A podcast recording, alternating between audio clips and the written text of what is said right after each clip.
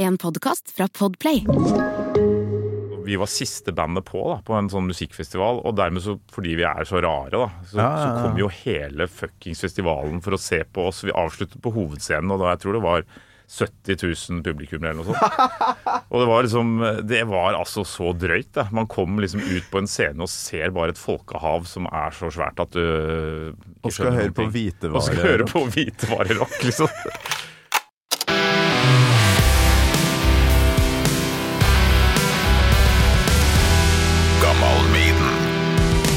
Folk bruker litt tid på å velge låt, da blir jeg nysgjerrig. Så nå, nå er jeg veldig spent, egentlig. Jeg må jo innrømme at, eh, som jeg har jo nevnt for deg før, at eh, Iron Maiden var jo et band som på en måte eh, Det traff ikke meg helt på hjemmebane i min ungdomstid. Da. Jeg, jeg syns egentlig at eh, altså det var på en måte litt i Det var rett og slett litt for pompøst for meg, Ja, syns jeg. Og litt eh, Utrolig nok litt jålete, selv om jeg har brukt mye av livet mitt på å gå rundt i kostymer og sånn, så, så syns jeg at, at, at det var et eller annet med det som var litt sånn eh, jålete og litt eh, Ja. Litt uh, mye sånn galopp, eh, galopprytmer og veldig mye gitarsoloer. At liksom hver låt skal ha sin dedikerte gitarsolo. Liksom. Det blir man Ja. jo litt sånn. Det er jo nest- Helst to. helst to også, Ja. og gjerne noen, noen sånne overgangspartier hvor det er mye gitar. Solo. Men det er egentlig nettopp eh, med det som bakgrunn og låtvalget som gjør det her så veldig spennende. Så er du klar? Ja, jeg, jeg er klar. Skal vi sette i gang? Jepp. Gammal Maiden med Torkil Thorsvik. Aslag Guttormsgård, hjertelig velkommen til Gammal Maiden. Tusen, tusen takk. Det- På en uh, formiddag i tidraget. Hvordan har du det nå? Du, jeg har det egentlig ganske fint. Jeg er glad for at jeg kom meg hjem fra fjellet etter Hans eh, angrep oss eh, akkurat på slutten av ferien der. Ble nesten sittende Hans fast. Ja, det var voldsomt. Plutselig så var det jo stengt både mot Oslo og Trondheim og alle andre veier enn en liten sånn gammel fjellvei som vi kunne bruke over fjellet for å komme ned. Og vi hadde spillejobb, så det var eh, livsnødvendig transport som måtte Ja. til. Det er klart. Så, eh, nei, men det, så det var artig, egentlig. Artig slutt på Litt sørgelig kanskje, men artig slutt på, på ferien. Voldsom slutt. Nysgjerrig på deg som fyr, for jeg føler jo at jeg kjenner deg, for jeg har hørt så mye på deg opp igjennom. Men eh, hva gjør du når du ikke spiller? Og ikke er skuespiller, for jeg ser deg jo på TV òg. Jeg, vet hva, jeg gjør faktisk ikke så veldig mye annet enn å, enn å drive, og, drive med musikk, altså. Faktisk. Jeg sitter og plundrer med å lage låter og fikler med det. og, prøver å lære meg sosia- sosiale medier. som jeg aldri, aldri lærer meg. Og så, og så er jeg ganske glad i fri. Altså Hvis jeg vet at jeg har på en måte en luke som på en måte enten tar meg eller eh, ser at det på en måte er litt plass, da, så er jeg, så er jeg jævlig glad i å gå meg en uh, tur i skauen eller uh, dra ut med båt. og Være ute på fjorden eller uh, Ja, okay. Ja. Så du klarer å ta fri når du har fri? Ja, jeg er ganske jeg klarer ikke alltid det. Men eh, jeg er ganske flink til å prøve å bruke sånne, luk, sånne tomme luker til å eh, dra et helt annet sted. Og bare Ofte så er jo det da man kommer på bra ting òg. Plutselig Ja, ja. så kommer det litt sånn ny, ny inspirasjon. Så Det er jo i gang, eller mot slutten av uh, småbarnsperiode nummer to, så jeg, Ja. har sett, jeg har sett jævlig mye barne-TV. Ja, Så, det har Der dukker det opp hele tida. Er du utdanna skuespiller? Hvordan eh, kom du inn i, i de greiene der? Nei, vet du hva, egentlig så er jeg litt sånn selvlært uh, skuespiller. Jeg, jeg ville veldig gjerne bli skuespiller når jeg var sånn eh, ung. Bar jeg tror det kanskje var litt sånn på barneskolen at det plutselig skjedde en sånn eh, Eller ungdomsskolen er kanskje riktig å si. At jeg, jeg følte meg alltid ganske corny og annerledes. Jeg vokste opp eh, litt utafor byen, eh, på et lite sted som heter Tanum. Og der der var ikke mange som drev med kultur og, og sånne ting. Så og faren min er kunstner, og broren min er keramiker, så vi var, liksom, vi var litt de der raringene som bodde i en gammel oppbygd hytte inne i skauen. Ja, ok. Og så um, Og så husker jeg alltid at jeg følte meg liksom ikke helt eh, hjemme, kan man vel kanskje si. Til jeg plutselig gikk på ungdomsskolen og valgte musical revy som eh, valgfag. For jeg hadde, okay. eller sånn liten, hadde egentlig jævla lyst til å gjøre noe sånt, da. men jeg var jo på en måte egentlig kanskje litt sånn sjenert eh, type. Ja.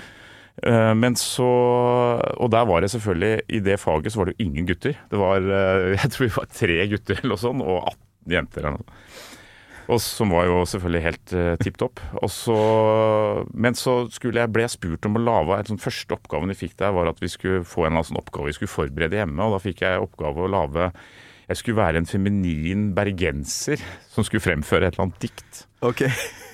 Og så, så gjorde jeg det, eller forberedte det, og var dritnervøs og tenkte at liksom, faen, det, nå kommer jeg sikkert til å bli eh, drept for dette her eh, greiene her. Eh, Det var jo veldig lite sånn var lite macho også, på Ja. en måte.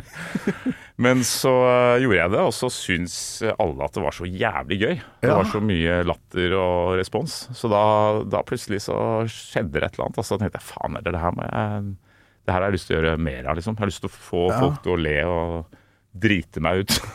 Ja, men, men, men, eh, men under en slags planlagt Jeg hadde på en måte planlagt det. Hadde jo Ja. øvd masse på det og sånn. Det bruser litt sånn i blodet. Så brusa når det liksom i blodet når alle syntes det var kjempegøy, da. Uh, plutselig så kjente jeg at jeg hadde en liten sånn uh, i meg, da. Så, Feminin bergenser. Feminin bergenser lå og lurte. lurte. Så da, etter det, så tenkte jeg faen heller, jeg har lyst til å gå så jeg, Etter ungdomsskolen så flytta jeg til faren min, for han hadde flytta til byen eh, og, i Oslo. Og så begynte jeg på en, noe som het da en estetisk linje. Høres veldig fjongt ut, men det var en linje som hadde masse drama, masse musikk. Eh, ja, faktisk keramikk, forming, alt mulig. Det var sånn Ja. det var, sånn, var egentlig en slags type yrkeslinje, men med bare masse estetiske fag. Ok. Så jeg, eh, fordi jeg var også inne i helvete skolelei, så jeg trengte liksom noe sånn eh, som var gøy da, å Ja. drive med. Så jeg hadde, der hadde jeg det helt topp, og da på en måte, da fant jeg jo ut at jeg hadde veldig lyst til å bli skuespiller. da. Så, og vi hadde en sånn dramagruppe der og drev masse med teater og, og sånn. Og så fortsatte jeg med det i mange år. Eh, og skulle bli skuespiller, søkte på teaterskolen flere ganger og kom faktisk til tredjeprøven flere ganger, men kom aldri Aha. inn. det, hvor mange prøver er det? Ja, det var, det var jo sånn Du hadde liksom én audition som gjør at du kom videre til en andre prøve som var liksom litt mer pompøs. Og så til slutt så var det vel dobbelt så mange som kom inn som kom til tredjeprøven. Så var det sånn, sånn 16 stykker som kom til den, da. Så, Ok, så det var jo alltid ganske sånn Og da er man en uke på den skolen og blir som satt på masse prøver hele uka. Men Eh, eh, har kanskje da- ikke blitt noe mm, ja, Black Debbat, Aslak og de, Nei, de er tingene der. som, Hvis du hadde eh, kommet inn der, Det så er det det var jeg faktisk har ofte tenkt. Og så har jeg egentlig tenkt også, for jeg har jo venner som ble skuespillere av de folka som søkte der. Og, og livet har ikke vært så greit alltid fordi Altså, det er ikke så lett å være skuespiller, altså. Du, det er et knallhardt yrke, så jeg men litt samtidig da, som jeg drev med denne søkingen, så traff jeg Egil og Kristoffer og sånn gjennom Jeg gikk på folkehøyskole. Og så Ja. der møtte jeg Kristoffer, og- som også var sånn dramafolkehøyskole. da, sånn han også gikk der og skulle bli eller jeg vet ikke, Han hadde ikke noen planer om å bli skuespiller, tror jeg, men han syntes også det var jævlig gøy å drive med det. Mm. Og så i løpet av det året jeg gikk der, for der var det jo veldig mange som virkelig ville bli skuespillere, sånn knallhardt liksom, og da merket jeg nok at jeg hadde ikke helt i meg den derre ofre onkler og tanter og bestemødre og alt mulig for å, for å, for å bli skuespiller. Jeg, jeg synes, jeg, men derimot så hadde jeg det så jævlig gøy sammen med Kristoffer. da. Vi hadde Ja. liksom, og vi lagde et band som het Penis Inferno, som var eh, eh, hvor, vi, hvor opplegget var at Kristoffer sang og slo på en høyball med, med en eh, to meter lang staur, liksom. I allerede der er dere Ja, så vi langt hadde noe sånn krea. veldig corny greie. Og så hadde vi en eh, kortvokst fyr på, som spilte på en basstromme som var festet på en påle to meter over scenen, sånn at han måtte liksom hoppe opp for å slå på den. Da. Og, eh, og, jeg, og jeg spilte gitar, og så var det brøling stort sett. da. Men det var utrolig absurd, eh, og kanskje egentlig en forløper til det som ble Hurra Torpedo i sin tid. da Ja visst. med at vi fant ut at det er ganske gøy å mikke opp ting som ikke er lagd for lyd, på en måte. Altså Vi mikket jo opp en høyball, og, og så får du den der dumpe lyden. Av, Ja, ja. Alt som har mikrofoner i seg, får jo en lyd, på en måte. Men å frakte på det her, den er jo jævlig tung. Ja, det var vel kanskje litt eh, overdrevet å si at det var en hel høyball. Det- ja. Men det var, en, var i hvert fall en sekk med høy, da, som var eh, en ganske kraftig sånn eh, I sekk med alle dager. Det var en periode på 90-tallet der eh, det kom Sikkert inspirert av dere, da. Det kom folk på UKM, kulturmønstringa, og skulle gjøre så jævlig mye crazy greier. ja. Var en som nesten ødela et sånn Steinway-flygel, som bare sto på scenen og begynte å, å trampe på klaveret der. Var, ja, ja. Uten tanker for uh, at det kanskje kunne være at det var litt Nei, det er eh, kunst. Ja. Performance. Så Full respekt for, for den tankegangen. Ja, men du har gjort uh, sjukt mye. Et av de lengste potpurriene jeg har skapt i min karriere som Gammal Maiden-programleder. Er litt Vi starter med Reidar Roses orkester, Ja, ja, ja. tror jeg, og så ender vi opp med noe av det siste du har uh, laga. ja. Og ja, du får se om du identifiserer alt jeg har plukka fram her. Ja, vi. Skal ut under himmelen og telle stjernene. For ute der i verden fins det. Mellom og havet, din. Vi er familien Ost.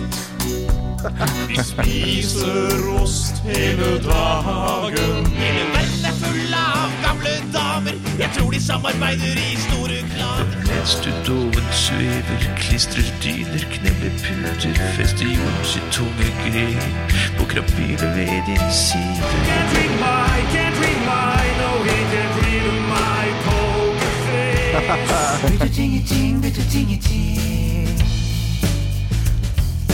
Bytte tingeting, bytte Det er bra katalog, ass.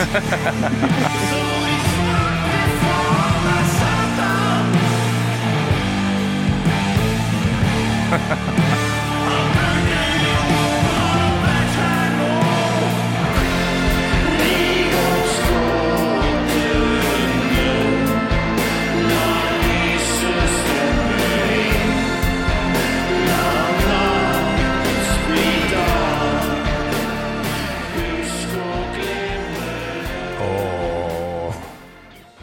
Ett og et halvt minutt med Aslak. Du er med på alt det her, ikke sant? Ja da, Ja. eh, det er jeg definitivt. Eh, har vel vært eh, med og låtskriver på omtrent alt du hadde greid å dra fram der. Også. Ja, ikke sant? Så jeg skjønner jo at det ikke er så veldig mye annet du får gjort. For Det var veldig aparte. Ganske gøy å høre en slags sånn sammenheng av hva i all verden er det han driver med, han fyren der. ja, det beste Krapyle ved min side, krapyle Og det er Den oppdaga jeg jo nå nylig, og det var Aslak Solo. Ja, det Før var- det så var Reidar Roses, Åsen, familien Ost, som kanskje var en slags lyd eh, liten, faktisk Ja. en forløper til Black Debate på mange måter. Ja, ikke sant? Lyd, ja. Uh, Hurra Torpedo, bare Egil Aaslag og Black Debate. Og Maroder til slutt, som er Hvor lenge eh, har du holdt på der? Du, vi har faktisk holdt på i eh, Fant ut her at det var jo godt over ti år. til 12-13 år, faktisk. Så Ja. det har vært ganske lenge. Det er et jævlig bra bandnavn, for det, i Trøndelag så er Når det er maroder, så er det er ikke et ord som unge mennesker bruker. Og da er det litt det som er tanken. Altså det var definitivt Fra, min side så var det jo fordi at eh, mormoren min pleide å bruke det. Ja. Så det var litt sånn eh, jeg, jeg, føler meg litt rolig i dag. Ja. liksom, eh,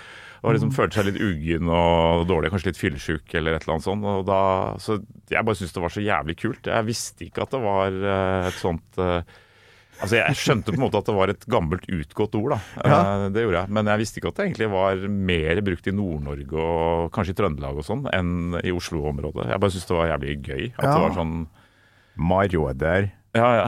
Jeg husker en, eh, Otto Jespersen når han hadde det programmet med Trond Kirkvaag. Ja. Trotto Libre. Ja, Da hadde vel Otto en egen eh, karakter som heita Maroder til fornavn. Det var jævlig det? Faen, det har jeg glemt. Ja, stemmer det.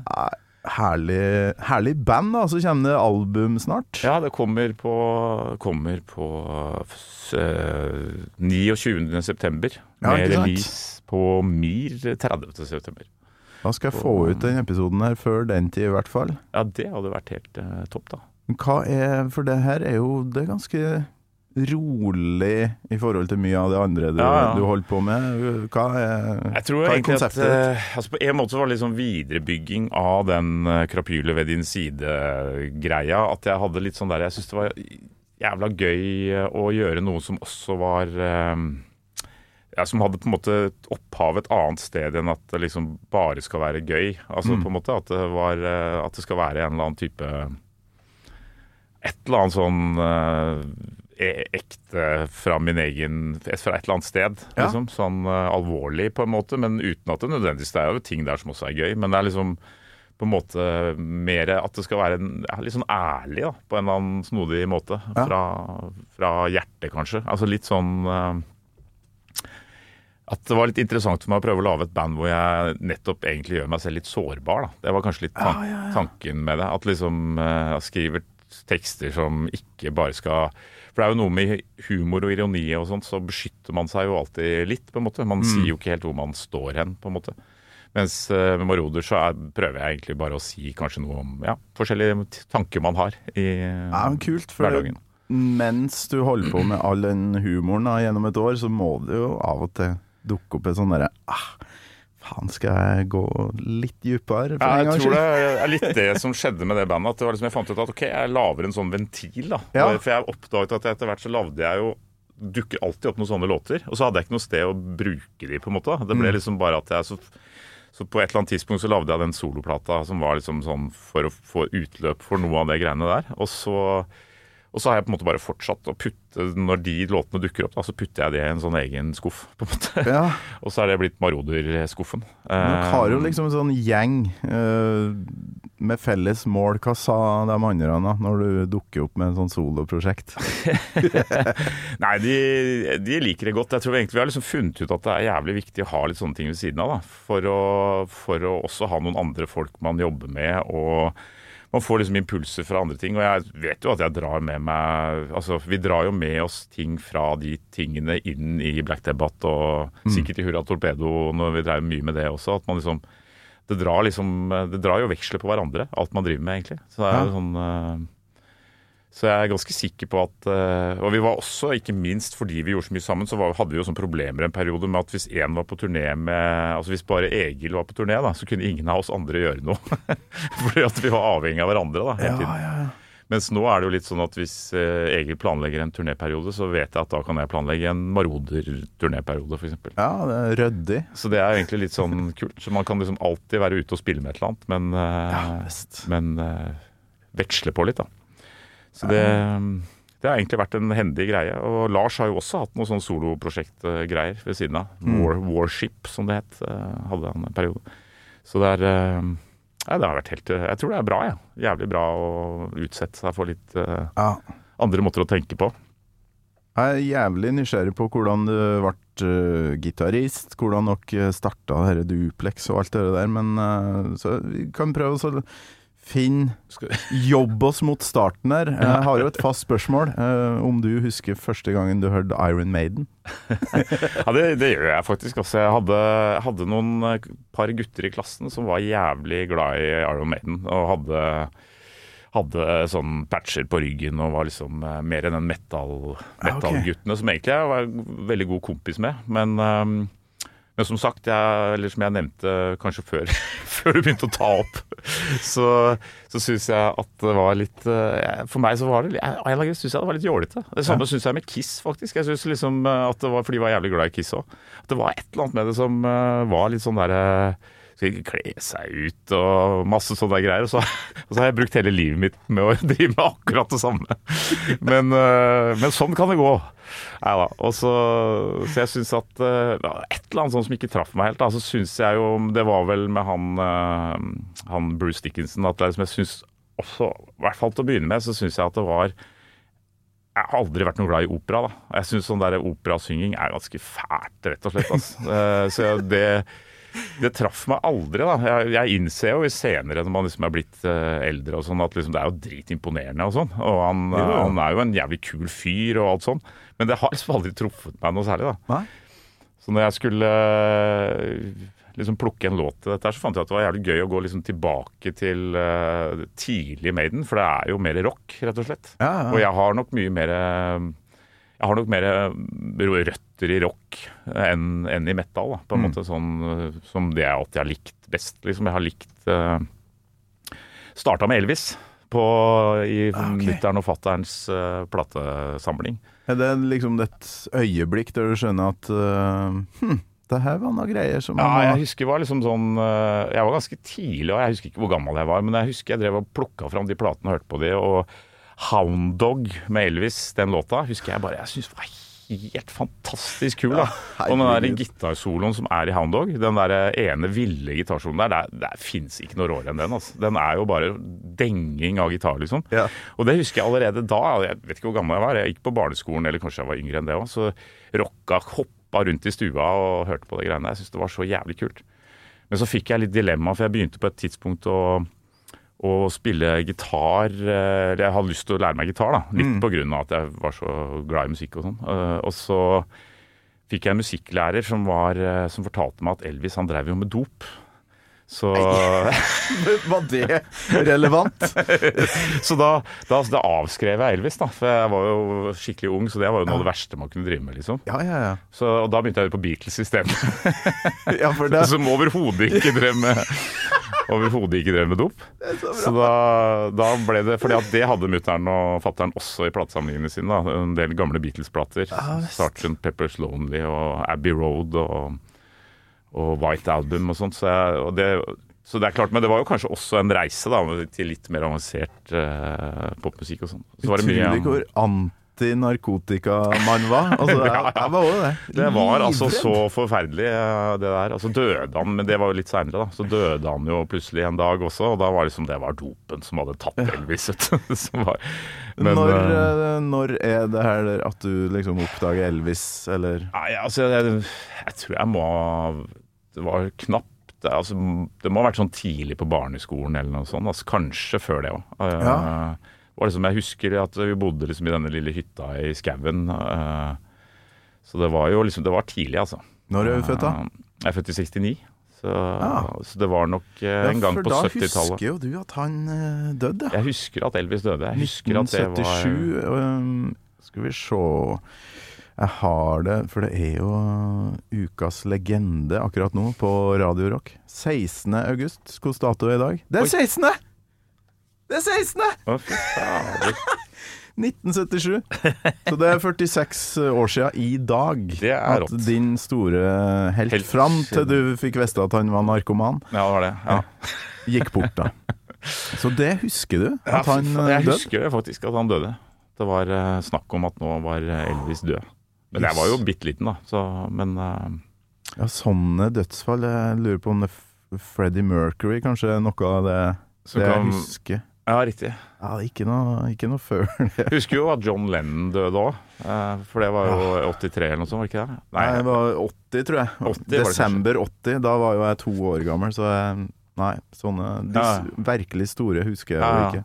Frank Sinatra husker jeg, for det var jo slutt, slutten av 90-tallet. han 90-tallet. kokte så lenge. Ja, men Jøsses. Ja. Og så ble det Beatles, ja. Og så var det Beatles og for så vidt litt Bob Dylan, for det hadde de også. Altså, det var jo mye det som var i mutter'n og fatterns eh, Ja. plate. Men jeg likte jævlig godt det der tidlig Bob Dylan-greiene òg, for det var liksom et eller annet det var så Det er jo også veldig sånn primalt, på en måte. Mm. Eh, Men da ble det kassegitar på deg, eller hvordan Ja, altså det var det som var litt problemet, var at han gitarlæreren jeg hadde, han var sånn klassisk gitarist.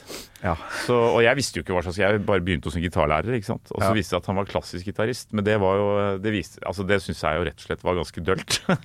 så så jeg, for jeg prøvde liksom en stund å lære meg og, og begynte å lære noter og sånn, men alt var jo bare å spille etter noter. Ja. Så etter hvert så liksom, Han klagde ofte på at jeg ikke øvde nok. Og så liksom etter hvert så tenkte jeg ok, det var et par, par stykker som jeg fikk som jeg likte ganske godt, så jeg øvde mye. Og så kom jeg og skulle spille, og så hadde jeg liksom lagt inn sånn som jeg hadde lyst til å spille. da? Med litt uh, følelser her og der hvor jeg syntes det var kult, liksom. Og da var det sånn Nei, det var liksom full radbrekking. Nei, jazzlag. det, står jo ikke Forte her. Det står jo ikke Forte her. Her står det hva det nå heter. Pianissimo. Pianissimo. Du skal ikke spille Forte her. Så alt var feil. da Så jeg liksom, Da husker jeg tenkte etter den når jeg faktisk for en gangs skyld virkelig hadde brent for hjemmeleksa, liksom. Og, så fikk jeg bare pepper for at det var feil Det dreper alt. måte å spille på. Ai, Så da husker jeg bare Nei, faen, dette her funker ikke lenger. Og så hadde jeg samtidig begynt å spille i et band sammen med noen venner på ungdomsskolen. Um, som vi kalte for Nilsen Massaker-band. Ehm, og, det, og der var det jo sant, basic tre grep. Man lærte seg av Lillebjørn Nilsens gitarbok, og så hadde vi det dritgøy. Og så følte jeg ikke at jeg kunne bruke det der git- eh, klassiske gitargreiene til noe som helst. Det var helt umulig å bruke det til noe som helst, for det var jo bare Ja, det er notene til den låta, liksom. Du kunne Ja. ikke bruke det til, eh, å, til gitar, på en måte. Nei, men tenk om du hadde fortsatt da Randy Rhodes, han var jo en sånn klassisk skolert. Du hadde blitt den neste. Man må bli Randy. jævlig Da må man være så god. Man må liksom klare å være så god at man bryter med den tradisjonen, da. For det er jo Bruke det i Ja, for det er så ufritt, eh, i hvert fall opplevde jeg det sånn. da Det er liksom bare bundet til noter. Ja. Så Nei, så det, der slutta jeg faktisk, og så ble det bare bandgreier. Ja. Og Så det, gjennom det har jeg egentlig Det er sånn jeg har Det var liksom punk-varianten med tre grep og Det er noe eget med noen kompiser inne i et rom Ja, ja. som har et felles mål òg, da. mm. Å sitte der med en eldre mann som Som uh, Som kritiserer Elvis og mener han driver med dop. Og nei, det var mye som var feil der, altså. det er ikke så veldig rart at man havner og blir rocker, da. Men hvor langt er det derifra mm, og fram til typ Reidar Roses? Det, det var litt sånn nysgjerrig på. hva det med sånn Linn Skåber og den gjengen der? Ja, ja. Nei, det var Det oppstod nok oppsto sånn akkurat på tampen av eh, den folkehøyskolen jeg gikk på samme jobb, hvor jeg møtte Kristoffer, Ah, som var et, etter videregående. Men da da må jeg innrømme at jeg var veldig fan av sånne akkurat da. Så syns jeg det var så jævlig gøy med sånne gamle skillingsviser og sånne revyviser fra 50-tallet og sånn. For det var, Ja. altså det var Jeg tror hvis man tenker tilbake til den tida der, det var tidlig 90-tall, så var jo det noe av det minst populære man kunne være opptatt av når man var, når man var liksom slutten av eh, tenårene, begynnelsen av 20-årene, liksom. ja.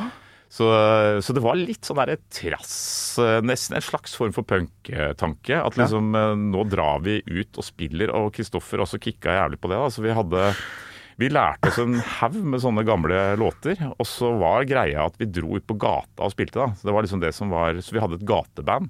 Det var. Reidar Rose Orkester. Som vi, og så hadde vi liksom roller. Vi hadde liksom bygd det rundt selvfølgelig Einar Rose-greia, men jeg het Reidar, da var liksom bandleder, og så var eh, Kristoffer var broren min, jeg het Ragnar Rose. Og så var vi alle, alle var i familie og het forskjellige ting, men så var det Egil, han var fra en annen revyfamilie, han het Geit Ralfsen.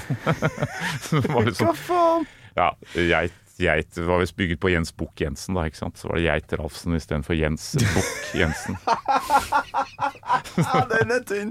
Den er tynn, altså. Og så Men det er et eller annet med måten vi kan høre litt Jeg vet ikke om det var du som sang her, men det er noe med den måten å synge på. yes. Vi skal ut under himmelen og telle stiene. Det er jeg som synger. Det er du? Ja, ja. Ja, for det er For det første må det være jævlig diskant lyd på det, og så skal man synge på den måten. Ja, ja. Så dere, dere hadde jo studert til Jeg var veldig altså Akkurat den perioden der synes jeg at av en annen grunn så hadde jeg skikkelig kick på hele den romantikken rundt det der gamle revygreiene og mye fyll og fanteri og sånn. Altså vi, Ja. vi dro jo på sånne sommerturneer hvor vi tok på oss dressene. Eh, sånne gamle dresser med sånne rysjeskjorter og sånn. Og det var, vi hadde en offisiell pådragelse av det, liksom. Og da, det var det eneste vi reiste i. Vi hadde ingen bagasje, vi hadde bare dresser. Og en stor flaske med Eau de Cologne som eh, Egil hadde fått i konfirmasjonen sin. Og hvis vi begynte å lukte, så bare dynka vi sånn der Odde eau de cologne under armene. Og fortsatte, liksom. Og så var det ikke lov. Man kunne vaske seg, men da måtte man gjøre det med dressen på.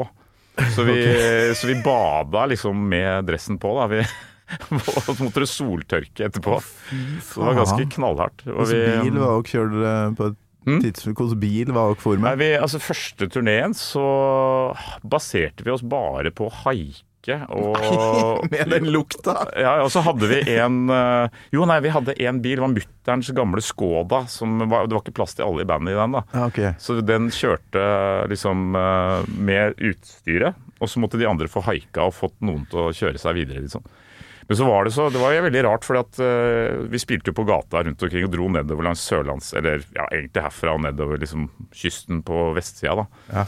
Og, men folk ble så jævlig sjarmert. Folk syntes det var jo mye gamle folk som syntes det var så hyggelig og gøy. og ja, Så det var jo, unge mennesker Og unge folk syntes det også var jævlig gøy, for det var jo noe de aldri hadde Det var jo helt corny, ikke sant. Ja. Så vi, vi levde jo herrenes glade dager, vet du. Vi, for det første fikk vi mye penger i hatten som vi sendte rundt, men for det andre så hadde vi sånn greie at vi alltid gikk inn på en pub på slutten av kvelden. Ja. Og da hadde vi gjerne en sånn følge av eh, kanskje 20-30 stykker som bare fulgte oss rundt fordi de syntes det var så gøy. Som eh, ble med inn på puben. Så dermed så hadde vi jo den sales-greia. ikke sant? Vi sa sånn her, eh, kan vi komme inn her og så spille for gratis drikke, liksom, på Ja. kvelden. Eh, vi har med oss, liksom, Så kom det en haug med folk inn. da og så fikk vi gratis drikke og spilte videre inne på puben. Liksom Bare lagde et sted hvor det var mulig å stå og spille. Herregud. Og så utover natta så hadde vi alltid sånn at vi hadde ikke noe sted å sove eller noe sånt. da. Så vi hadde alltid sånn at vi liksom utpå natta så sa vi sånn Er det noen Vi er et band som ikke har noe sted å sove i natt, liksom. Er det noen som eh, kan tilby oss en eller annen overnatting, liksom? Ja. Så var det alltid en eller annen som liksom Ja, dere kan sove på de persiske teppene hjemme hos meg. sånt. Så, så kom vi, så kom vi hjem til folk og sov på tepper og bare rett på gulvet og sånn. Dusj, dusja i dressen og sov på teppet. Ja, ja. Ja, men det var faktisk ganske gøy sånn måte å lære hvordan nordmenn er eh, hvis man tilbyr noe. Altså hvis man på en måte er eh, hyggelig og, morsomt. Og, så det var egentlig en, en skole, tror jeg, som, som eh, vi gutta i Duplex, eh, Egil og jeg og Lars og Kristoffer og sånn, tror jeg har tatt med oss litt sånn videre òg. Det derre er du, er du hyggelig mot folk og gjør noe som er gøy, så, så får du i hvert fall ganske mye goodwill da, Ja, rundt omkring. Karmaen eh, Eh, Så det var jævlig hyggelig. Jeg husker vi bada i svømmebasseng, og med dressene selvfølgelig. Og, og, så det var, nei, det var helt eh, topp, det. Vi gjorde det tre år på rad. Og så Linn, eh, som eneste jente i Hurven, hun var ganske tøff, egentlig. Hun ble med på det der, hun også. Jeg, Ja. Jeg håper at hun kanskje Forhåpentligvis så snek hun seg til en dusj i ny og ne. Men, men hun levde jo med oss, da, som var helt, eh, som var helt jævlige. Men eh, Hvor gammel var dere? 18? Altså det var jo 17, 18? rett, nei, det var rett etter uh, Romerike folkehøgskole, så det var sånn Ja, vi var kanskje sånn 1920, Å, fy faen. 21, 22, sånn etter hvert, da. Det må ha vært sjukt bra tid. Sånn, Ja, ja, og det var jo Altså, vi hadde det så jævlig gøy, da. Og alt var jo bare å leve av det vi fikk i hatten og Ja. Så det var, det var jo helt vanvittig moro, men det, det gikk jo så det gikk så hardt utover helsen. Ja, det- det var ganske, var ganske røft. eh, Og særlig jeg husker siste turneen. Da var det egentlig begynt å bli litt sånn trøbbel med at da hadde Kristoffer begynt å gjøre noe sånn karate, eller jeg husker ikke et eller annet sånn radiogreier som gjorde at han begynte å få litt Og Gartnerlosjen hadde begynt å slå an ja. som var jo et parallelt band. Ja. Og, så de hadde plutselig begynt å få litt sånn uh, uh, Ja, det var noe TV Jeg husker ikke, det var i hvert fall noe som gjorde at Kristoffer var plutselig begynt å bli litt eh, kjendis.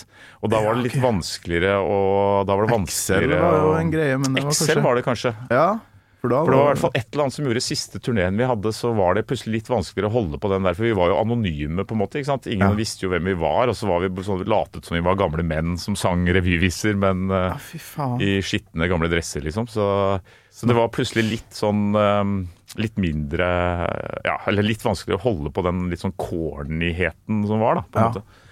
Og så, Snakk om å bare stå på terskelen til hva som helst.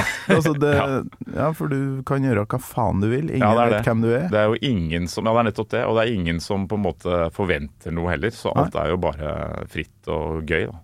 Så det var, jeg tror det var en ganske bra skole, selv om Ja, og, ja jævlig bra skole for det vi har gjort seinere i livet, egentlig. Sånn helt overbevist om. Ja, herregud, for en øh, Det er jævlig Også den tida Metband for ned i Tyskland og Spania og sånn og lå på gulvet til folk. Ja, det, er, det er så viktig å ha gjort noe Ja, sånt, det, føler jeg. det er det, Altså, altså. Det er eh, Komme hjem og lyge og si at det var tusenvis som var på hver konsert. Kom i avisa og Ja, ja. ja, vi hadde jo litt sånn parallelt så hadde jo jeg og Egil og Kristoffer Hurra Torpedo, som hadde, og vi tok jo en del sånn Jeg tror jo det også var litt sånn Jeg tror man tok noen idealer fra Reidar Rose inn der òg. Ja. For vi hadde jo det at vi, vi skulle egentlig ha ganske sånn tarvelige forhold. Vi hadde jo I Raideren så skulle vi jo sove Vi skulle ha en gymsal Vi skulle sove på gymmatter i en gymsal. Okay. Og bli servert eh, gammel, lunken gryterett av en punker. Det var liksom eh, Det var kravene våre, da. Eh, Meksikansk gryte med, med spiralloff. servert av punker. Og det, vi, fikk, eh, vi fikk punker som serverte oss lunken gryterett og sånn eh, ganske ofte, men det viste seg at gymsal var vanskelig, da, for det var ofte jævlig komplisert å få til. Ja. Så det ble hotell isteden. det var ikke vi som valgte det. Med gymmatte. På, Med gymmatte på hotell. Men hadde dere noe som helst tanker i denne tida om at enkelte av de tingene her faktisk kom til å slå an, da? For det ble jo faen meg sånn nasjonal eh, Altså Hurra Torpedo og Gartnerlosjen og mye av de tingene her er jo nasjonalskatta. Ja, det er blitt noen sånne litt rare kultaspekter ved det. Da, som, eh, vi hadde egentlig ingen idé om det. Jeg tror ikke vi hadde noe mål Det var ingen mål om å skulle bli på en måte noe kjente eller eh, Nei. Eller få noe hits eller noen ting. Det var egentlig bare i hvert fall fra mitt ståsted så var det jo bare å gjøre det man helt sånn kompromissløst hadde lyst til å gjøre. da, Ja. på en måte. Og egentlig drite fullstendig, kanskje nesten helt ja, nesten med vilje drite fullstendig i det som var, eh, var på en måte kutymene, på en måte. da. Det var mye, jeg tror kanskje det var en del trass involvert. da. Altså Litt sånn der gjøre det motsatte av eh, gjøre det motsatte av det andre gjorde, på en måte. At eh, det er ingenting du, som er feil. du kommer fra en kunstnerfamilie, kanskje noen pretensiøse foreldre, og du, du sier håber istedenfor håper. Altså, Ja. Hvilket område vi snakker her? Eh, Det er jo Er det dialekt, eller er det eh, sosiolekt? Ah, Jeg tror det er litt sånn blanding. Jeg tror også det har vært litt sånn, sånn som med både Egil og Altså Egentlig litt i Duplex også, så har vi alltid syntes det har vært litt gøy å ha litt sånn derre At vi snakker litt sånn der distingvert, da. Ja. Og Reidar Roses orkester og sånn. Så egentlig så tror jeg kanskje nesten jeg har påført meg litt min egen sånn uh, Det sosiolekt henger igjen, ja. litt. Ja. At, det, at det er litt sånn derre At det skal være veldig eh, At man har blitt litt skadet, da. Yrkesskadet av å skulle være litt sånn pertendelig. pertendelig Nå vet jo ikke I jeg språket. hvordan kunstnere foreldrene dine var, men eh, jeg kan jo se for meg et slags opprør der du bare går i studio og du spiller inn og greier, og du bare gir det ut. At det er sånn uh, Litt sånn gi faen, samtidig som det er Det er jo kunst, det dere har holdt på med her. ja, på, Kanskje sånn i ettertid, så er det, men vi hadde jo ingen idé om at det var jo Vi var jo, ville jo så langt vekk, vekk fra kunst som det gikk an, kanskje. Sånn, Ja. egentlig, Det var helt sikkert litt trass mot min egen bakgrunn òg. Nå kan må jeg jo jeg vil tørre å påstå at det å være keramiker er ikke å være så veldig pretensiøs. da, egentlig. Det er jo veldig sånn, det er jo en gammel sånn håndverkstradisjon på en Ja, måte ja, som er ganske Og faren min var egentlig ikke spesielt eh, Han var veldig lite glad i sånn jålete kunst, faktisk. Han var ikke, han var ikke veldig sånn eh, sånn type kunstner. Han var eh, mer opptatt av å liksom følge sin egen, egen greie, egentlig. Ja, ok. Så Så det ikke- var den så- type keramikk? Det var ikke en sånn abstrakt gås eller Nei, eller sånn nei figur? mutter'n var- har alltid vært sånn håndverkskeramiker. Ah. Lagde boller og kopper og te, tekanner og sånne ting. Men han er jævlig flink, da. Flink til sånn. Nei, Du har gjort så sjukt mye bra, men jeg klarer ikke å vente lenger. Jeg må vite grunnen til eh, låtvalget ditt. Hva, hvilken låt landa du på, Aslak? Jeg eh, landet på Charlotte the Harlot Det gjorde du. eh, fra førsteskiva til Maiden. Og litt av grunnen til det er at jeg måtte liksom rett og slett friske opp litt gammel Maiden. For jeg har jo som sagt ikke hørt meg i stykker på Maiden gjennom årene. Men, Ja. Eh, men jeg husker at disse gamle kompisene mine De hørte mye på det første, de første skivene. Og okay. det var jo det som var i vinden, tipper jeg omtrent da. Sånn tidlig slutten, ja, tidlig 80-tall-greier. Så jeg husker faktisk at han ene mener å huske at han ene hadde 'Stranger in a Strange World' uh, Land. Uh, Strange Land. Ja. eh, sånn der ryggmerke. Ok. Det Eh, er jævlig tøft. Eh, Sånn Ja. cyborg. Ja, ja. Så jeg, så jeg husker jeg syntes liksom alt det der var jævlig kult. Og så ble jeg selvfølgelig utsatt for det. Så tenkte jeg faen, hvis jeg skal høre vi skal ta noe Maiden, så må vi ta good old Maiden. Når, og så syns jeg faktisk også, for å være helt ærlig, at uh, den Maiden er mye nærmere den rocken jeg liker, da. eh, og Ja, ja. har likt opp gjennom livet. Jeg syns uh, Charlotte og Harlot er jo faktisk ganske Det er nesten sånn Scandi-rock før Scandi-rocken eh, ble funnet opp, uh, syns jeg. Den har masse elementer som man nesten Ja, man kan nesten høre litt sånn uh, Beef Malibu, litt uh, Ja visst. Eh, Det er eh, påfallende mye der som egentlig eh, Ja, som liksom tar arven mer fra Led Zeppelin og sånne ting. Eh, Ja. litt, sy litt synligere, da, syns jeg. Vi må høye litt på introen her. Jeg bruker jo å spille av litt snutter, for å, Ja, ja. så vi husker hva vi snakker om her.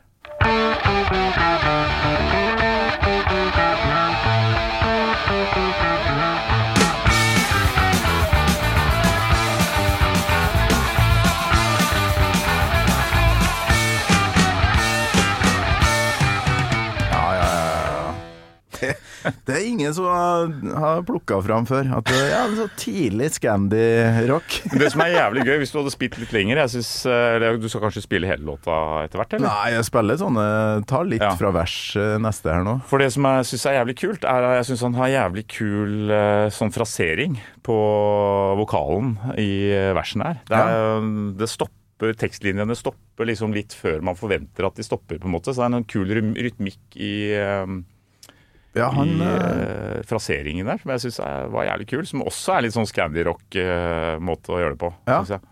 Nei, Vi kan jo høre litt på Paul Diano, da. Som um, overhodet ikke høres operatisk ut. Så Nei, det her, nei, det her liker du. Ja.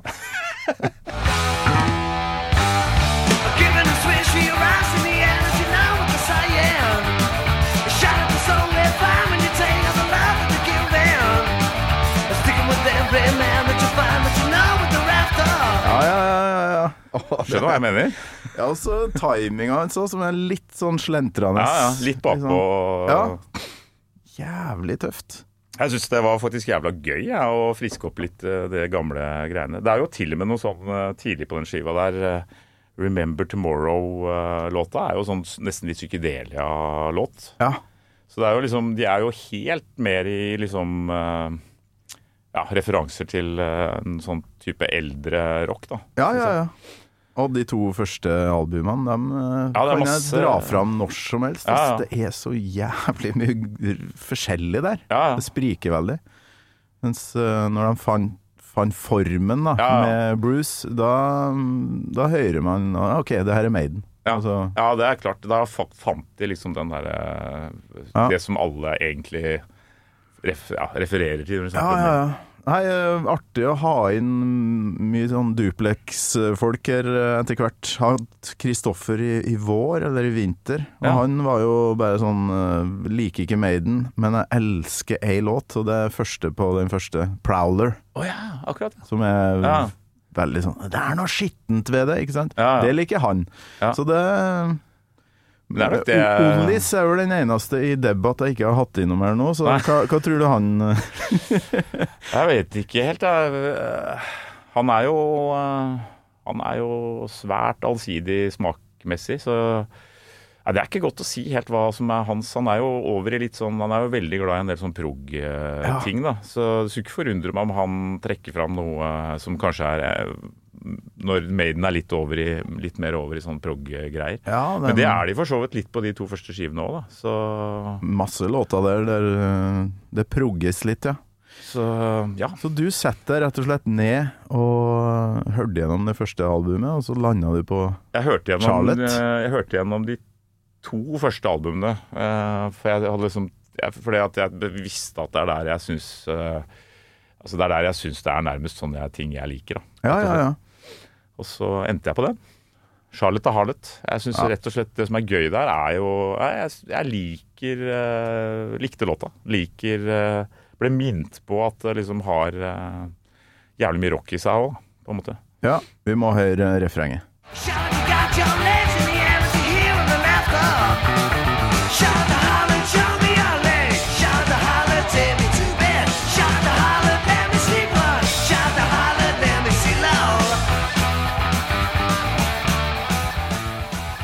riffing.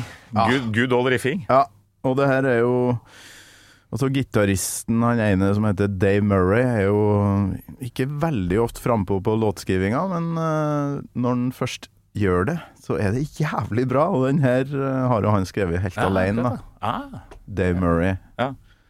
Uh, kanskje ikke største forbildet ditt, men eh, Nei, men jeg synes eh, det er jo absolutt en, eh, en kul hadde du en eller annen sånn guitar hero i oppveksten din som du så opp til? Sånn Må være han studiogitaristen til Elvis Presley, da. Sånn med, ja.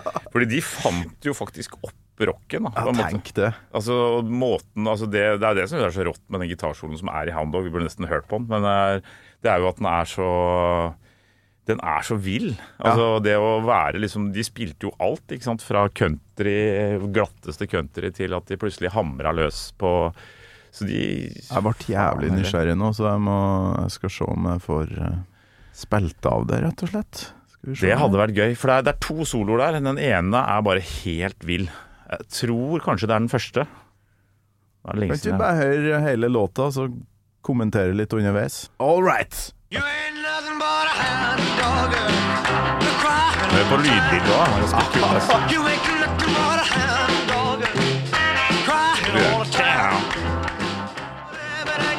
Nå kommer den, tror jeg.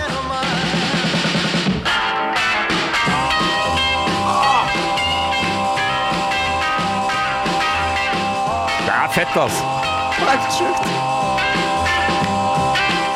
Det er så primalt. Ja, faen, så starten der, da, når du hører liksom bare Det er, det er så tøft, det. Ut av ingenting, altså. Det er jo litt sånn å bare gjøre noe vilt, liksom. Og så er jo hele Det er faen, altså. Er, jeg er så imponert over det der. Jeg blir alltid imponert over det. Hver gang man hører det òg, så blir man så glad Ja. at det går an. Ja, og så ikke minst lydbildet, for eh, i dag så er det jo bare en betongkloss som du kjører inn i ørene, for det er, så, Ja, ja. alt er fylt ut. Det er Men så det her er så, det er så tynt på et vis, men Mm. likevel du hører at det er et helt band. Da. Ja. Nei, det, det er det, godt å høre på det. At, og det er på første Maiden-albumet òg, for å komme tilbake dit. For, det, for det. Produksjonen der er rimelig Ganske basic, altså. De hadde liksom ikke blitt store på noe som helst vis ennå, tydeligvis. Og på en måte sikkert spilt inn delvis live, eh, Ja. tenker jeg.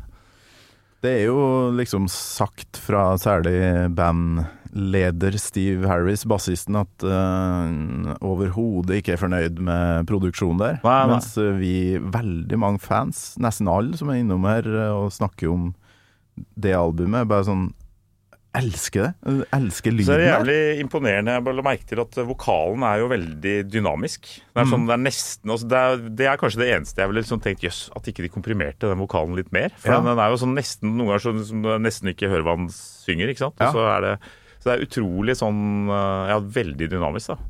Men det det som gjør låta Charlotte om eh, den prostituerte Charlotte her, er jo det partiet som er litt sånn nedpå. Ja, balladepartiet. Ja, fy faen. There was a time when you left me standing there.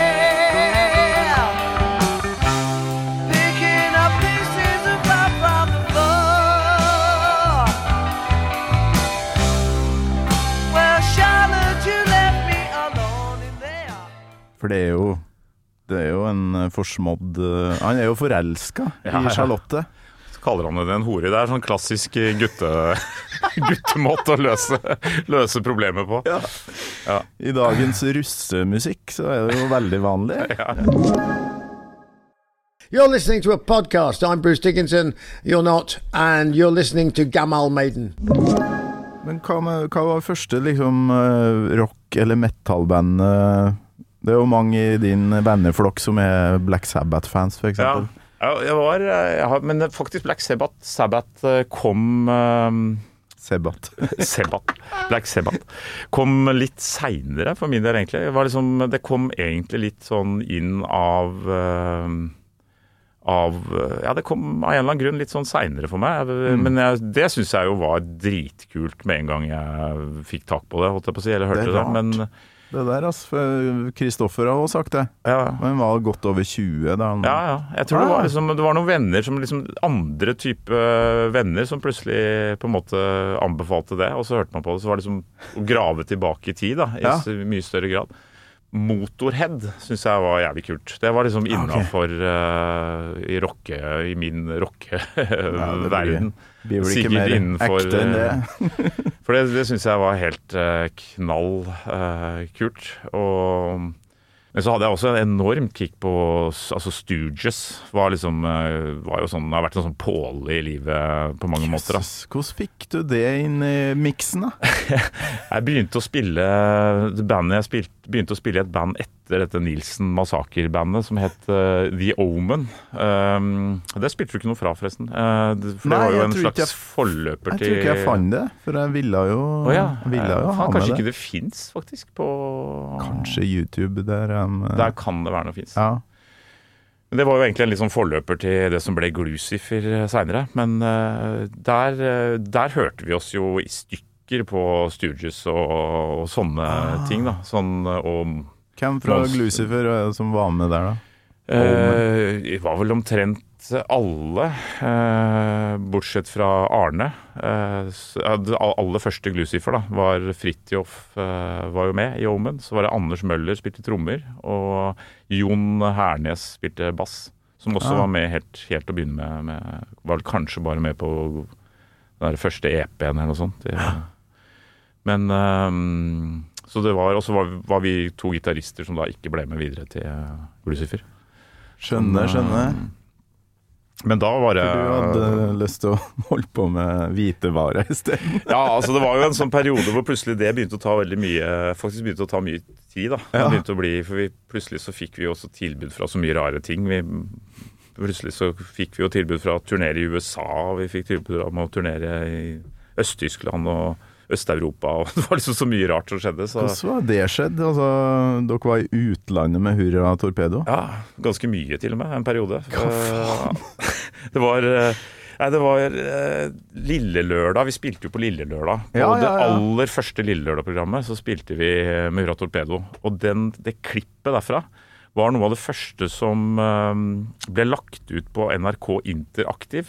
Når de skulle etablere den interaktive delen av NRK, så var visst det sånn der et pilotforsøk. Fordi han en eller annen sånn, litt sånn wizard fyr som mente at uh, det inneholdt liksom av essensen i det som kom til å bli fremtidens type sånn kort-TV-titting eh, på telefoner. Altså litt sånn der eh, datagreier som var ganske smart på liksom å se hva som på en måte Og dette her var egentlig, jeg tror det var i 97 eller noe sånt, at det klippet ble lagt ut. Og så tok det jo flere år, for det, teknologien var jo ikke der egentlig. Så det var sånn, bare sånn prøveprosjekt. Men så var det plutselig at vi begynte å um, få telefoner fra jeg husker altså Bookingselskapet vårt begynte å få telefoner fra USA. Uh, som lurte på liksom, hva er dette for noe greier. Og liksom, vi trodde bare det var spøk, da. ikke sant? Men eh, så viste det seg etter hvert at det var Og det her var vel først i 2006 eller noe sånt? Nei, 2005 var det. Så, så det har gått liksom over nesten ti år da, fra det til det plutselig Og så viste det seg at det var folk som mente at vi skulle dra på turné i USA og samtidig reklamere for eh, en ny bil som Ford eh, Ford eh, hadde lagd, fordi at de hadde skjønt at de bomma på Generation X. da. Generation X hadde begynt å kjøpe, kjøpe japanske biler. Så de ville ha oh, ja. Og det klippet med oss som hadde spredd seg på MySpace og sånn, som var liksom Og på, bare på at folk sendte mail da, med, Ja. med liksom videosnutt, på en måte. Det hadde, hadde annen- de hadde hatt en eller annen måling på at det var en av de mest eh, sette klippene liksom worldwide akkurat da. Av en eller annen absurd grunn så var vi på en måte av de der tidlige sånn ja, Hva skal man kalle det? Sånn, eh, ja, sånn streamingfenomen. ja. Og så, nei, så plutselig så viste det seg at det var noen som mente alvor. da. Ville ha oss på tur, og alt var betalt. og sånn, Så vi tenkte dette er et eventyr som vi bare må gjøre Det Må er gjøre, nesten liksom. litt sånn Ylvis, altså. Sånn Ja, der- på en måte, Få en sånn sånn- viral greie. Ja, ja, det var jo det. Før, eh, før den, men da med et så corny band, da. ikke sant? Så Ja, og så dårlig internett. så- Ja, ja, ja. At det gikk an å gå viralt. Ja, det er helt, helt sprøtt. Så det var jo et, eh, altså, det var jo en reise for oss som jeg aldri ville vært foruten. da. Vi var jo fem uker på turné i USA og reiste rundt og spilte på de rareste steder. da. For litt av poenget var liksom at vi skulle eh, De filmet alt, da, så det var et fullt filmteam med. Og så skulle de lage sånne små snutter som på en måte av det vi gjorde som eh, på en måte ja, som skulle treffe Generation X. da. Men så var de, var de så opptatt av, litt fordi vi, eh, vi også sa det, da, at liksom, hvis dere skal treffe Generation X, så må dere ikke reklamere. liksom. Mm. Det må ikke være synlig egentlig hva det reklameres for, liksom, for da, da støter de bare fra det. Så det var jo, vi var jo med på en kampanje hvor egentlig ikke det var mulig å skjønne at det var Ford som, som betalte alt sammen. Så det var jo helt rått for oss, da. Det var jo bare egentlig PR i stor grad for oss, egentlig. Ja. Så Kasta det av seg noe, noe mer, Altså, så Ja, altså, solgte dere noen ting, eller? Vi dro på turné i USA året etter, på egen turné, da. Ja. Og, og da spilte vi jo faen meg rundt omkring for altså Det var litt av og på i de forskjellige statene hvor mange som hadde fått det med seg, men i noen stater så var det utsolgt, liksom. Yes. Og litt sånn studentbyer og sånn. Altså Boulder, Colorado, Colorado og, yes. og um, Boston. Under og- navnet Hurra Torpedo. Ja. så det var eh, Så vi spilte en Vi var vel på fire Vi var på en måneds turné da også. Spilte rundt omkring i hele USA. Kryssa, kryssa kontinentet. Det var helt sprøtt, altså. Gode tider. eh, ja, det var Og så er erfaring å ha med seg òg, Ja, fy fader. Det er sånn man aldri får tilbake, holdt jeg på å si. Så det var jævlig gøy, Men altså. da var det liksom eh, Bonnie Tyler, og det var også dere kjørte Ja, vi spilte jo, altså vi har jo egentlig alltid hatt eh, mest egne låter. Men så hadde vi jo et par sånne coverlåter som var, ja, Ja, ja, som var den Bonnie Tyler-låta, selvfølgelig. Og så hadde vi jo et mål Vi hadde en ny coverlåt hver kveld. Vi hadde liksom sånn greie at vi skulle ha én ny coverlåt, og gjerne fra hvis vi fant ut at det var en lokal låt fra en eller annen lokal låtskriver som var litt sånn stor i, i den staten, da, så var det kult, liksom. Hmm. Eller den byen. Så, um, så det var mye rart vi ruska sammen på den turen der. Fy flate. Så, Var Anser du det her som liksom et av dine høydepunkter? Så- Ah, jeg tror kanskje altså, som, som, som artist og oppleve noe sånt, så tror jeg jo at det absolutt er noe av det drøyeste jeg har opplevd. Vi spilte jo altså, Jeg husker vi avsluttet en festival i eh, et eller annet mm, Jeg husker faktisk ikke helt hvor det var nå. Men eh, kanskje det var Boulder, Colorado eller noe sånt. Som, eh, hvor, eh, hvor det var altså Vi var siste bandet på da, på en sånn musikkfestival. Og dermed så, fordi vi er så rare, da, så, Ja, ja, så kom jo hele fuckings festivalen for å se på oss. Vi avsluttet på hovedscenen, og da jeg tror det var 70 000 publikummere eller noe sånt. Og det var liksom Det var altså så drøyt, da. Man kom liksom ut på en scene og ser bare et folkehav som er så svært at du ikke Og skal høre på ting. hvitevare. Og skal høre på hvitevarerock, liksom. Så det var Nei, det var, var jo Jeg tror nok det kanskje er piken av det villeste jeg har opplevd, sånn i de der tingene der, altså. Det, det er det nok. Det er det helt sikkert. Men òg kanskje når dere begynte å skjønne at eh, Black Debate-konseptet funka. Ja, det var også det jævlig jeg gøy. Ja, det var, jo, det var jo parallelt, da. Så vi drev jo Ja. liksom med Det var jo sånn veldig parallelt i mange år med å turnere med begge deler. Som, så det er forresten en ting som jeg husker var, som kanskje også var litt sånn peak, var at på et tidspunkt så var vi da på turné, hadde spilt for eh, liksom ja, 70 000 stykker på en sånn festival. da. Og Så kom vi hjem til Norge, og så hadde jeg og Egil begynt med det barneshow-greiene våre. Så vi spilte opp i Telemark for en skole hvor det var 14 elever. og det var 20 som så det, inkludert barnehagebarna, som var tre stykker, og lærerne på skolen. liksom. Samme uka, altså uka etter liksom vi kom hjem, så spilte vi liksom Hadde spilt for 70 000 i helga, så spilte man eh, for 20 stykker på en liten skole i Telemark. Og så helgen etter så spilte man med Black Debate eller noe sånt, og spilte for ja, 1000 da, kanskje. Men det var så jævlig kontrastfylt, da. Ja, der, ja. Men det er jo det som gjør livet verdt å leve. Ja, jævlig gøy. Altså, jeg synes om det har jo vært 70 000 hver kveld. Liksom. Nei, du skal på en skole og spille for 20 Ja, ja. småttiser. Jeg synes det, det er noe av det jeg syns har vært det aller, og er det aller morsomste med det jeg driver med og har drevet med. Da. At det er så jævlig kontrastfylt. Da. Ja. at jeg synes det, Man får så inspirasjon av de forskjellige tingene. Og jeg syns jo det er like gøy Altså det er jo på en måte like gøy å spille for 20 som å spille for eh, Ja, ja. 70. For hvis man på en måte finner publikummet, da, er, Ja. har det kult med de. Så det er uh... Jeg kom til å tenke på Sorry at jeg alltid tenker Maiden, men jeg tenker på Steve Harris, som spiller i det her British Lion i tillegg. Vet du. Ja, ja. Så dem i Bergen. Rusla inn der, og så plutselig så Bare rett innafor døra, så er jo scenen. Ja. Så jeg sto plutselig 1,5 meter fra Steve Harris, som jeg har hatt, hatt på ja. avstand så lenge, ikke sant. Det var helt absurd. Men han Ja. vil sikkert òg ha den kontrasten. Ja, ja. Det er jævlig viktig. Jeg tror det var, vel, var det ikke Paul McCartney som etter Beatles starta med Wings, og de kjørte bare rundt i en gammel varebil og spilte små konserter på puber, og Ja, folk nesten ikke kjente han igjen, ikke sant. For det var liksom en helt annen setting. Ja. Jeg tror sånt er Jeg tror det er jævlig sunt, det. At man liksom ikke at man ikke tror at man eh, at man liksom ikke tror at det er sånn verden skal være, for sånn, skal, sånn er den jo ikke. Det er Mm. bare sånne glimt som eh, kan være sånn, på en måte. Ja, ja. Jeg husker den sommeren jeg så Black Debbath første gang, tror det var Storåsfestivalen Ja. oppe i Sør-Trøndelag. Og så var det sånn Fy faen, vi må bort dit og, og se ja, men Hva er det for noe, egentlig? Altså, ingen har egentlig skjønt konseptet. Nei, så var det veldig mange som sa ja, men tenk om de hadde hatt uh, sunget på engelsk og hatt seriøse tekster, for det her er så tight og jævlig bra spilt stoner rock. Så, det er sånn, nei. Det, jeg syns faktisk det, det, det ga det en helt annen dimensjon. Og så Ja, ja. ble jo dere giga etter det der. Den Mm. sommeren, jeg vet ikke om jeg husker rett her, men, men det var vel eh, den femte statsmakt som var Ja, det ute. var, kan godt være det. Altså. Jeg lurer på om det kan ha vært det. Vi var på, for vi var jo et par ganger på Storås i den perioden der. Det var Det var jævlig gøy, altså. Det, og jeg syns jo det var liksom, vi, har- vi har jo på en måte alltid slitt litt med den der rare greia der. At folk liksom sier at uh, ja, tenk hvis dere hadde spilt uh, fortsatt folk som kommer bort og ja, har dere noensinne tenkt på det hvor store dere kunne vært internasjonale hvis dere liksom hadde sunget, gjort akkurat som alle andre band? Ja.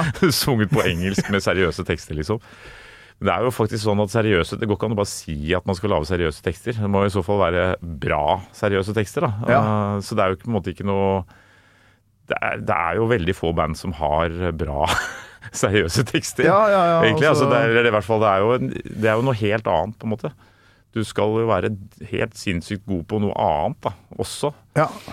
Og pluss at eh, jeg tror jo det som, som du sa i stad, det som skiller oss, er jo nettopp det. At vi gjør det vi gjør. da. Som, eh, Nei, det er jo nok eh, stoner-band. ja, ja, det er, det er det. Er nok Stonerband eh, med kule riff. Ja, ja, absolutt. Men uh... Så det som har gitt, jeg tror det som gir oss inspirasjon også, er jo at man uh, gjør noe som er litt litt på sida, liksom. Det er jo Mm.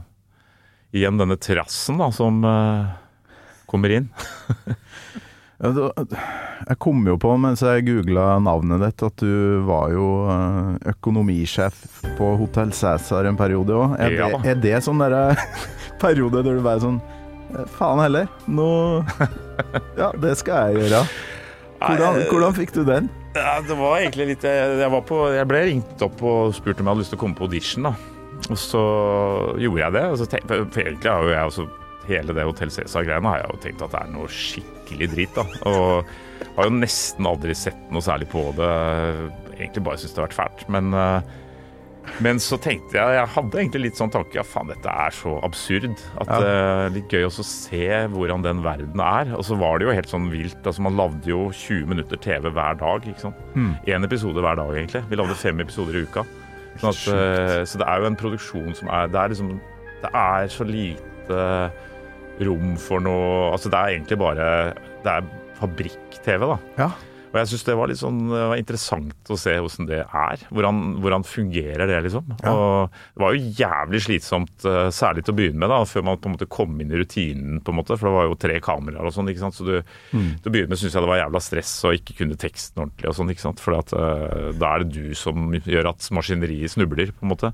Paul Gottlieb var navnet til rollen din. Ja. Men så etter hvert så syns jeg at eh, så ble det litt Så syns jeg det var ganske gøy. Og, altså, det er jo bare overflate Det er jo bare dill, liksom. Det er jo ren overfladisk eh, verden med egentlig sånn ja, Allerede når jeg var med, så følte jeg jo kanskje at det var litt sånn utdaterte idealer òg. Altså, ikke sant, det der, jeg tror ikke nordmenn lenger hadde det behovet som den serien startet jo når Norge var et litt, kanskje et litt, mer fatt, litt fattigere land. da, Og hvor det var jævlig gøy å se på noen som, noen som hadde det så jævla flott. liksom. Ja. At det var sånn trekkplasteret. Men etter hvert så ble jo nordmenns vanlige liv var jo mye, mye mer blærete enn det de klarte å få til. Og der, er der Exit og sånn sikkert har truffet litt mer, da, for det er liksom mer Ekstremvarianten. ekstremvarianten av det samme, på en måte. Men eh, på en måte sånn, fordi jeg har jobbet, har jobbet en del som skuespiller, så syns jeg det var litt lærerikt det der at du at du på en måte må lære deg å gi litt blaffen da, i Ja. om det Altså du må på en måte stole på regissøren uansett hvor dårlig uggen følelse du har selv på hvor dårlig scenen ble, på en måte. Så må du på en måte stole på at når de sier at ja, det holder, liksom, nå går vi videre, så må du stole på at det er greit. Selv om det? Selv om du sitter med en skikkelig uggen følelse selv. Da, og det er på en måte noe lærerikt over det der at det er ikke du som sitter med ansvaret, tross alt. da. Det er liksom noen andre, på en måte. Ja, ja, ja. Uh, som er uh, Ja, så det var litt lærerikt, syns jeg. Det var jo jævlig corny. Og litt sånn komisk hvordan Norge er litt sånn delt opp i at uh, i byene så er det ingen som innrømmer at de ser på Hotell Cæsar, mens liksom litt utafor byene så er folk helt ærlige på det, på en måte. Ja, ja, Så det er sånn. Jeg, veldig, jeg har jo en søster som bor oppe i Trøndelag, og hun, eh, hun Der var litt utafor Trondheim, da. Og hun, eh, der var det liksom, der var jo hotellet sitt kjempesvært, liksom. Ja.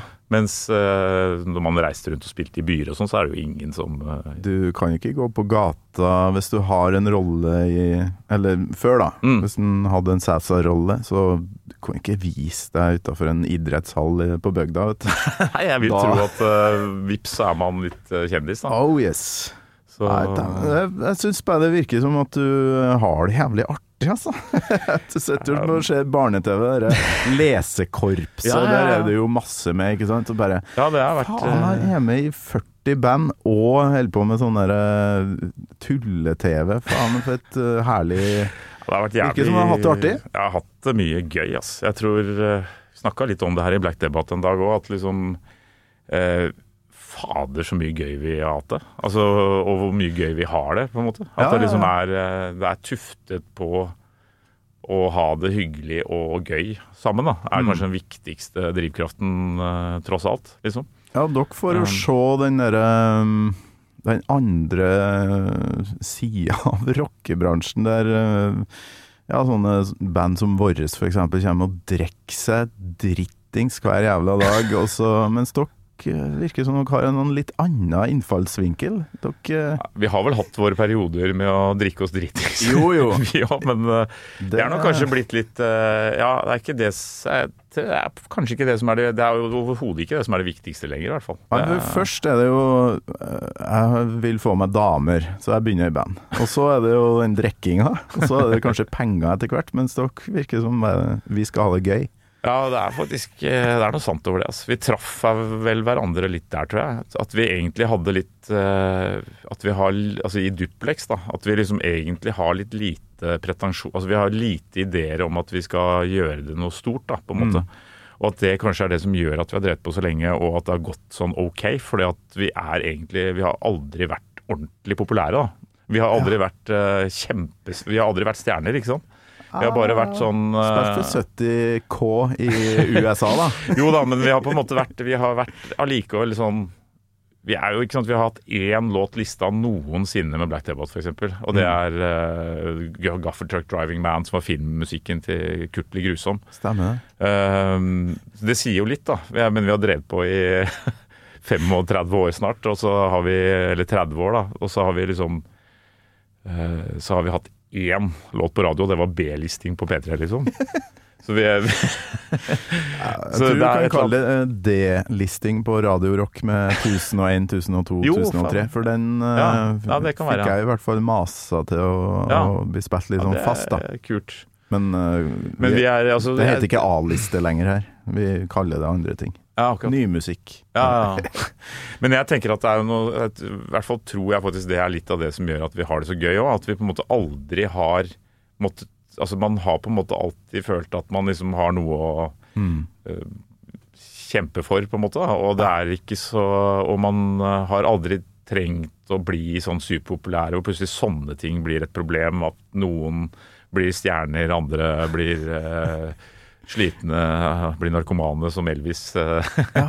At man på en måte, er litt bra å være middelmådig, på en måte. Så, Nei, det tror jeg faktisk Lars uh, sa en gang uh, han og Egil var for å promotere Black Debate. Ja, ja. Men, uh, hva er liksom oppskrifta på den eh, suksessen? Nei, det er den middelmådigheten. og aldri prøv å bli Bli for bra, liksom. giga. Ja. Altså, men Det må jo være noe dere ser tilbake på allerede nå, som sånn derre Her har vi jo gjort noe som har gitt oss noe. Ja, ja. Ja, det, jeg gjør jo det, egentlig. Det sånn, kanskje man er blitt litt flinkere til det nå når man begynner å bli litt eldre. At man ser jo liksom at man har gjort jævla mye som har vært uh, sinnssykt uh, moro, da. Uh, helt klart. Men føler meg jo overhodet ikke ferdig med altså, Man er jo også så barnslig, på en måte, og så umoden i huet, kanskje, at man på en måte skjønner jo ikke at man uh, nærmer seg å bli en ordentlig gammel uh, rocker.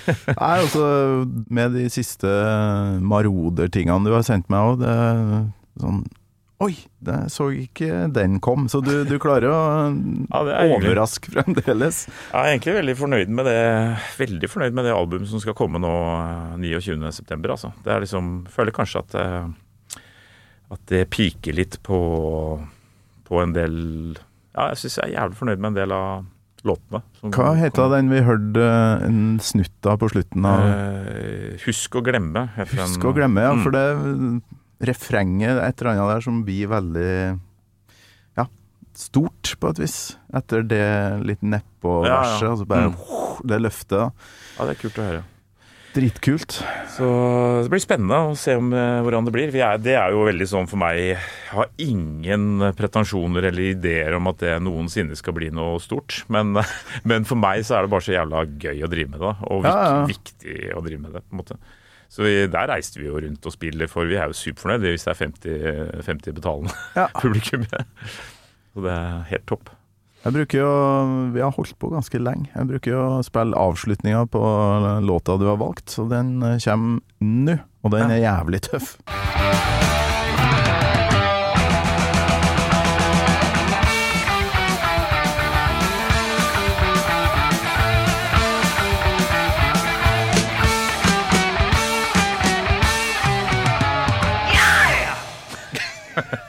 Ja. Elsker det skriket hans. Og jeg! Det var hans uh, ja, Ja. trademark. Ja, men jeg syns, jeg syns faktisk han synger jævlig kult på den låta her. da. Det er veldig sånn kul, uh, kul greie. Hva skjer de neste dagene nå, for din del? Nå kommer vi med singel eh, på fredag eh, med en Maroder. En ja. låt som heter Dalbane, som er eh, handler om å være over middagshøyden. Jeg har fått den eh, dritfin. Jeg kan spille av et klipp etter. eh, Ja, etter det det hadde vært eh, jævlig kult. ja. Så det er maroder nå, så Så er det ikke noen debatt på gang? Jo, vi spiller jo på Stereofestivalen. Det blir jo ikke aktuelt for dette her, kanskje. Kommer litt an på når du sender dette her. Ja, ja, Men vi spiller Stereofestivalen nå til helga. Vi har vel et par barneshow igjen eh, nå i september, og så er det ut på turné med Maroder. Da. Vi skal spille litt rundt omkring eh, Ah. i oktober og november. Håper det kommer litt flere jobber òg, men vi har liksom en seks-sju jobber som vi skal gjøre i oktober og november.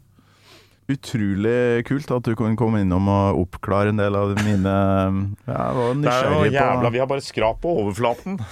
Det er akkurat det. Jeg tenkte underveis her når vi var innom eh, Hurra Torpedo, at du har jo vært med i en seks-sju sånne band, så vi, vi kunne ha holdt på i en Jeg tror man kunne holdt på timer altfor lenge, men eh, bra at det ikke er så lenge. Vi får eh, ta det neste gang. Ja, ja, det kan vi gjøre. Vi kan si liksom, Da er det part one, og Ja. så tar man Del én. Del to. Da skal jeg klare å finne noen andre Iron Maiden-låter også. Ja. Aslag, hjertelig takk for besøket. Ja. Håper du har kosa deg, du òg. Jeg har kost meg veldig. Takk for meg.